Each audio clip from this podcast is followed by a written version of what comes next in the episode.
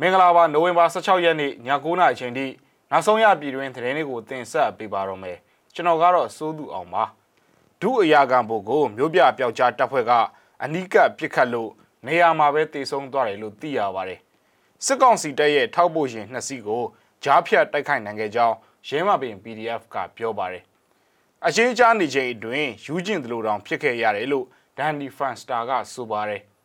စစ်ကောင်စီကမန္တလေးမြို့ အေယာဝတီမြကန်းနဘေးကကျူးကျော်အိမ်တွေကိုရှင်းလင်းမယ်လို့သိရပါတယ်။နိုင်ငံတကာသတင်းတွေဘက်မှာတော့ယူကရိန်းနိုင်ငံကကီယက်မီးတကြိုဇက်မှာကိုဗစ်ကြောင့်တည်ဆိုးသူအလောင်းတွေနှစ်ဆတိုးလာပါတယ်။ဒီအကြောင်းတွေပါဝင်တဲ့နောက်ဆုံးရပြည်တွင်းနဲ့နိုင်ငံတကာသတင်းတွေကိုတင်ဆက်ပေးပါတော့မယ်။စကိုင်းတိုင်းဒေသကြီးမုံရွာမြို့မှာအနောက်မြောက်တိုင်းစစ်ဌာနချုပ်နာမခကအရာခံဘူတယောက်ကိုအနီးကပ်ပြစ်တက်နိုင်ခဲ့တယ်လို့မြို့ပြပျောက်ကြားတပ်ဖွဲ့တစ်ခုဖြစ်တဲ့ အထူးဒေသတိုက်ခိုက်တပ်ဖွဲ့မုံရွာကပြောပါတယ်ကြိုတင်သတင်းရလို့မဟုတ်ပါဘူးကျွန်တော်တို့ရဲဘော်တွေကင်းလဲတဲ့အချိန်မှာသူတို့ကအရက်ဝင်နဲ့ဈေးဝယ်ထွက်တာကိုတွေ့ရတယ်အဲ့ဒါနဲ့အနီးကပ်ခေါင်းကိုပစ်ခဲ့တာလို့ SRAF MWA ရဲ့တာဝန်ရှိသူတယောက်ကပြောပြပါတယ်ဒီကနေ့နိုဝင်ဘာ16ရက်မနက်10:00နာရီဝန်းကျင်မှာမုံရွာမြို့မြတ်တလာဈေးကိုနာမခတပ်အတွင်းစတုဒီတာကျွေးဖို့ဒုအရာခံဘုံ2ယောက်ဈေးဝယ်ထွက်စဉ်ပြစ်ခတ်ခဲ့တာလို့သိရပါတယ်။ ဦးကောင်းကိုပြစ်ခတ်ခံရတဲ့ဒုအရာခံဘုံမှာနေရာမှာပဲပွဲချင်းပြီးတေဆုံးသွားပြီးတခြားအရာခံဘုံတယောက်ကတော့ထွက်ပြေးသွားတယ်လို့၎င်းကဆိုပါတယ်။ဒီကနေ့နေ့လယ်3နာရီအချိန်မှာလဲမုံရွာမြို့ဖျားကြီးရက်ကွက်စုတောင်းပြေဖျားအနာမှာစစ်ဘက်ဆိုင်ရာလုံခြုံရေးတပ်ဖွဲ့စာရဖာတပ်ဖွဲ့ဝင်တယောက်လုံခြံတပ်ဖြတ်ခံရကြောင်းဒေသခံတွေစီကနေသိရပါတယ်။၎င်းလုံခြံမှုကိုတော့ဘယ်အဖွဲ့ကလှုံ့ဆော်ခဲ့တယ်ဆိုတာမသိရသေးပါဘူး။ပြည်သူတွေအနေနဲ့ကျမ်းမာရေးကိစ္စကလွဲလို့ အိတ်စီးကားကိုမစီးကြပါရန်နဲ့မဖြစ်မနေစီးရမယ်ဆိုရင်မှန်ချပြီးတော့မောင်းနေဖို့ NWA ကမြစ်တာရက်ခံထားပါသေးတယ်။အချမ်းဘတ်စစ်ကောင်စီကထောက်ပို့ရင်းအဖြစ်အသုံးပြုနေတဲ့အရက်ဖတ်သုံးကုန်တင်ရင်နှစ်စီးကိုရင်းမပင် PDF ကမိုင်းခွဲတက်ခိုက်နိုင်ခဲ့ကြောင်းဆိုပါတယ်။ဒီကနေ့နိုဝင်ဘာ16ရက်မနက်7:00နာရီဝန်းကျင်မှာမုံရွာရင်းမပင်ပလဲလမ်းအတိုင်းထောက်ခွာလာတဲ့ကုန်တင်ကားနှစ်စီးကိုဖိုးဝင်တောင်ရဲ့မြောက်ဖက်တနေရာမှာ မိုင်းဆွဲတက်ခိုက်လိုက်တာပါ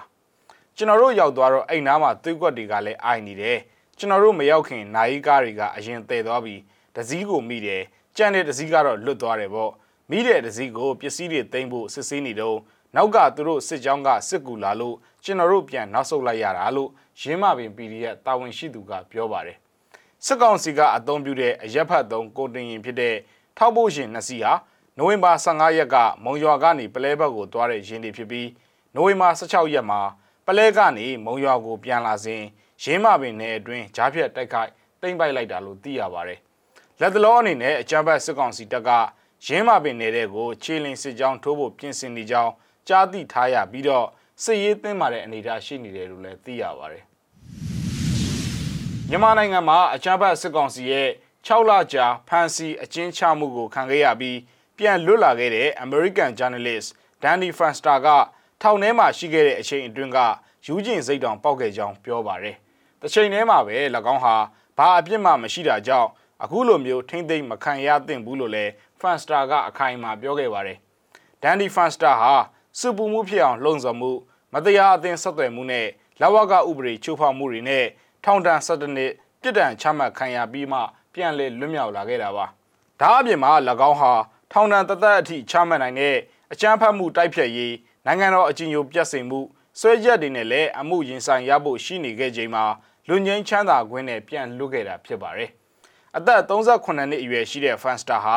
လာပေါင်းများစွာကြာထိမ့်သိမ်းခံရပြီးတဲ့နောက်ပိန်လီနေတဲ့ပုံပေါ်ပြီးသပင်မိုးစိတ်တို့ကလည်းရှိနေခဲ့ဟာ၎င်းဟာမနေ့ကထောင်ကပြန်လွတ်ပြီးတဲ့နောက်အမေရိကန်တန်တမန်ဟောင်းဘရီရစ်ချက်ဆန်နဲ့အတူအမေရိကန်အပြန်ကာတာလေစိတ်မှာခီးတစ်ထောင်နားစင်မှာအခုလိုပြောကြားခဲ့တာဖြစ်ပါတယ် ခန္ဓာကိုယ်ပိုင်းအရကျွန်တော်ကြမ်းပါပါတယ်ထောင်ထဲမှာကျွန်တော်ကိုရိုက်တာနှက်တာအစာအငတ်ထားတာမျိုးတော့မရှိဘူးခန္ဓာကိုယ်ရုပ်ပိုင်းဆိုင်ရာအရာကျွန်တော်ကောင်းတယ်ဒါပေမဲ့ဘလို့ပုံစံနဲ့ပဲဖြစ်ဖြစ်အချင်းကြခံရချိန်မှာဖြစ်ပေါ်တဲ့စိတ်အကြက်အတဲကိုခံစားရပါတယ်ဒါကနည်းနည်းတော့ယူကျင်စိတ်ဖြစ်မိပါတယ်ထောင်ထဲမှာနေရတာကြာတာနဲ့အမျှဒါကဘယ်တော့မှမဆုံးတတ်တော့ပဲဖြစ်သွားမလားဆိုပြီးကျွန်တော်စိုးရင်ခဲ့မိတယ်ဒါကအကြီးဆုံးစိုးရင်မှုပါပဲအဲ့ဒါကိုဖျက်ကျော်ဖို့စိတ်ကိုထိမ့်ပြီးနေခဲ့တယ်လို့ Fanstar ကပြောပါတယ်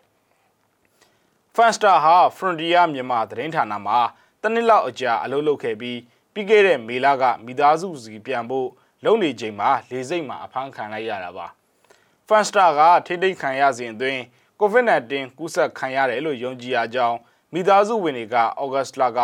American Journalist တွေနဲ့တွေ့ဆုံရမှာပြောခဲ့ပါတယ်။ Fanstar ဟာမှားယွင်းစွာမတရားထိမ့်သိမ်းခံရတာဖြစ်ကြောင်းနဲ့ အခုလိုမျိုးသူပြန်လွတ်လာတာကိုကြိုဆိုကြောင်း American ကပြောကြားခဲ့ပါတယ်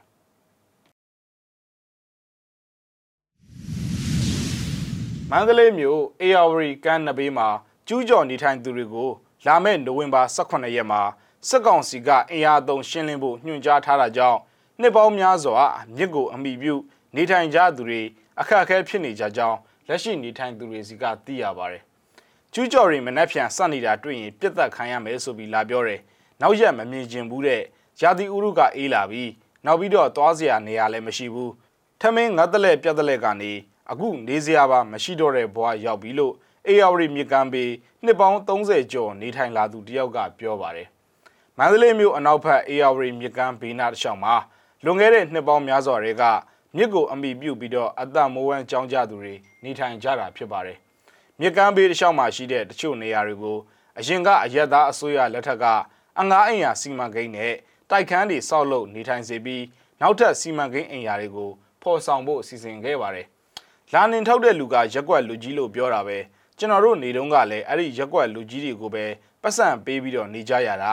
အရင်အစိုးရလက်ထက်တွေတုန်းကတော့မီဒီယာတွေကလည်းကျွန်တော်တို့ဘက်ကိုကူပြီးတော့အခုလိုဆွဆွရွရွမဖြစ်ခဲ့ဘူးဘူးအခုတော့ဒုက္ခရောက်ကြယုံတာရှိတာပေါ့ဗျာလို့ ကျူးကျော်နေထိုင်သူတယောက်ကပြောပါတယ်မနက်ဖြန်ဖယ်ရှားရှင်းလင်းမဲ့အစီအစဉ်မှာကန္နာလန်မြကမ်းဘေးတလျှောက်ကျူးကျော်နေထိုင်ကြသူတွေအပြင်မန္တလေးမြို့တော်စီပင်သားရနယ်နိမိတ်အတွင်းကကျူးကျော်နေထိုင်ကြသူတွေလည်းပါဝင်ကြောင်းသိရပါတယ်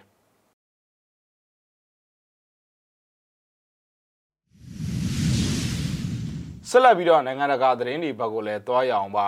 ယူကရိန်းနိုင်ငံကီယက်မီဒီဂျိုဇက်မှာကိုဗစ်ကြောင့်သေဆုံးသူအလောင်းတွေနှစ်ဆတိုးလာပါတယ် အပြည့်အစုံကိုကြည့်အောင်ပါ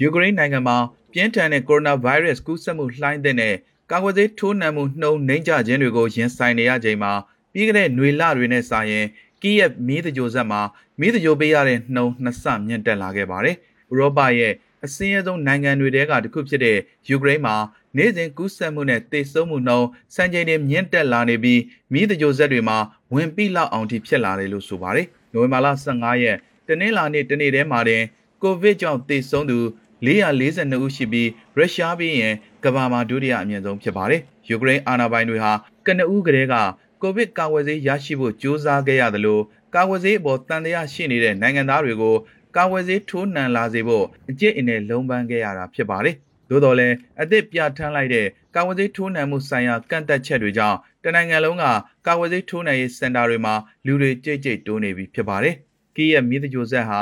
ဆိုဗီယက်အဖွဲ့ဝင်နိုင်ငံဟောင်းမှာရှိတဲ့တကြိုဆက်၃လုံးတွေကတစ်လုံးဖြစ်ပြီးကီးရဲ့မြို့ရဲ့တက်တန်းအရင်ဆုံးနဲ့အကြီးဆုံးမိသကြိုဇက်တွေကတစ်ခုရဲ့ဒစိမ့်တစ်ပိုင်းဖြစ်ပါတယ်။ဒီတကြိုဇက်မှာပြီးခဲ့တဲ့သတင်းပတ်များအတွင်းတာမန်အချိန်ထက်နိုင်များစွာပိုပြီးစောင့်ဆိုင်လက်ခံပေးနေရကြောင်း ညသကောင်အချိန်ထိလဲပတ်နေရကြောင်းတာဝန်ခံဖြစ်သူအန်ဒရီရှရန်ကိုကဆိုပါတယ်အဆိုပါမိသဂျိုဇက်ကနေဩဂုတ်လအတွင်းမှာအလောင်း1400နဲ့အောက်တိုဘာလမှာအလောင်း2800တကြိုပေးခဲ့ရပါတယ်။ကယောဂစတင်ချိန်နောက်ပိုင်းယူကရိန်းနိုင်ငံမှာကူးစက်သူ3တန်းကျော်သေဆုံးသူ9000ကျော်ရှိခဲ့ပြီဖြစ်ပါတယ်။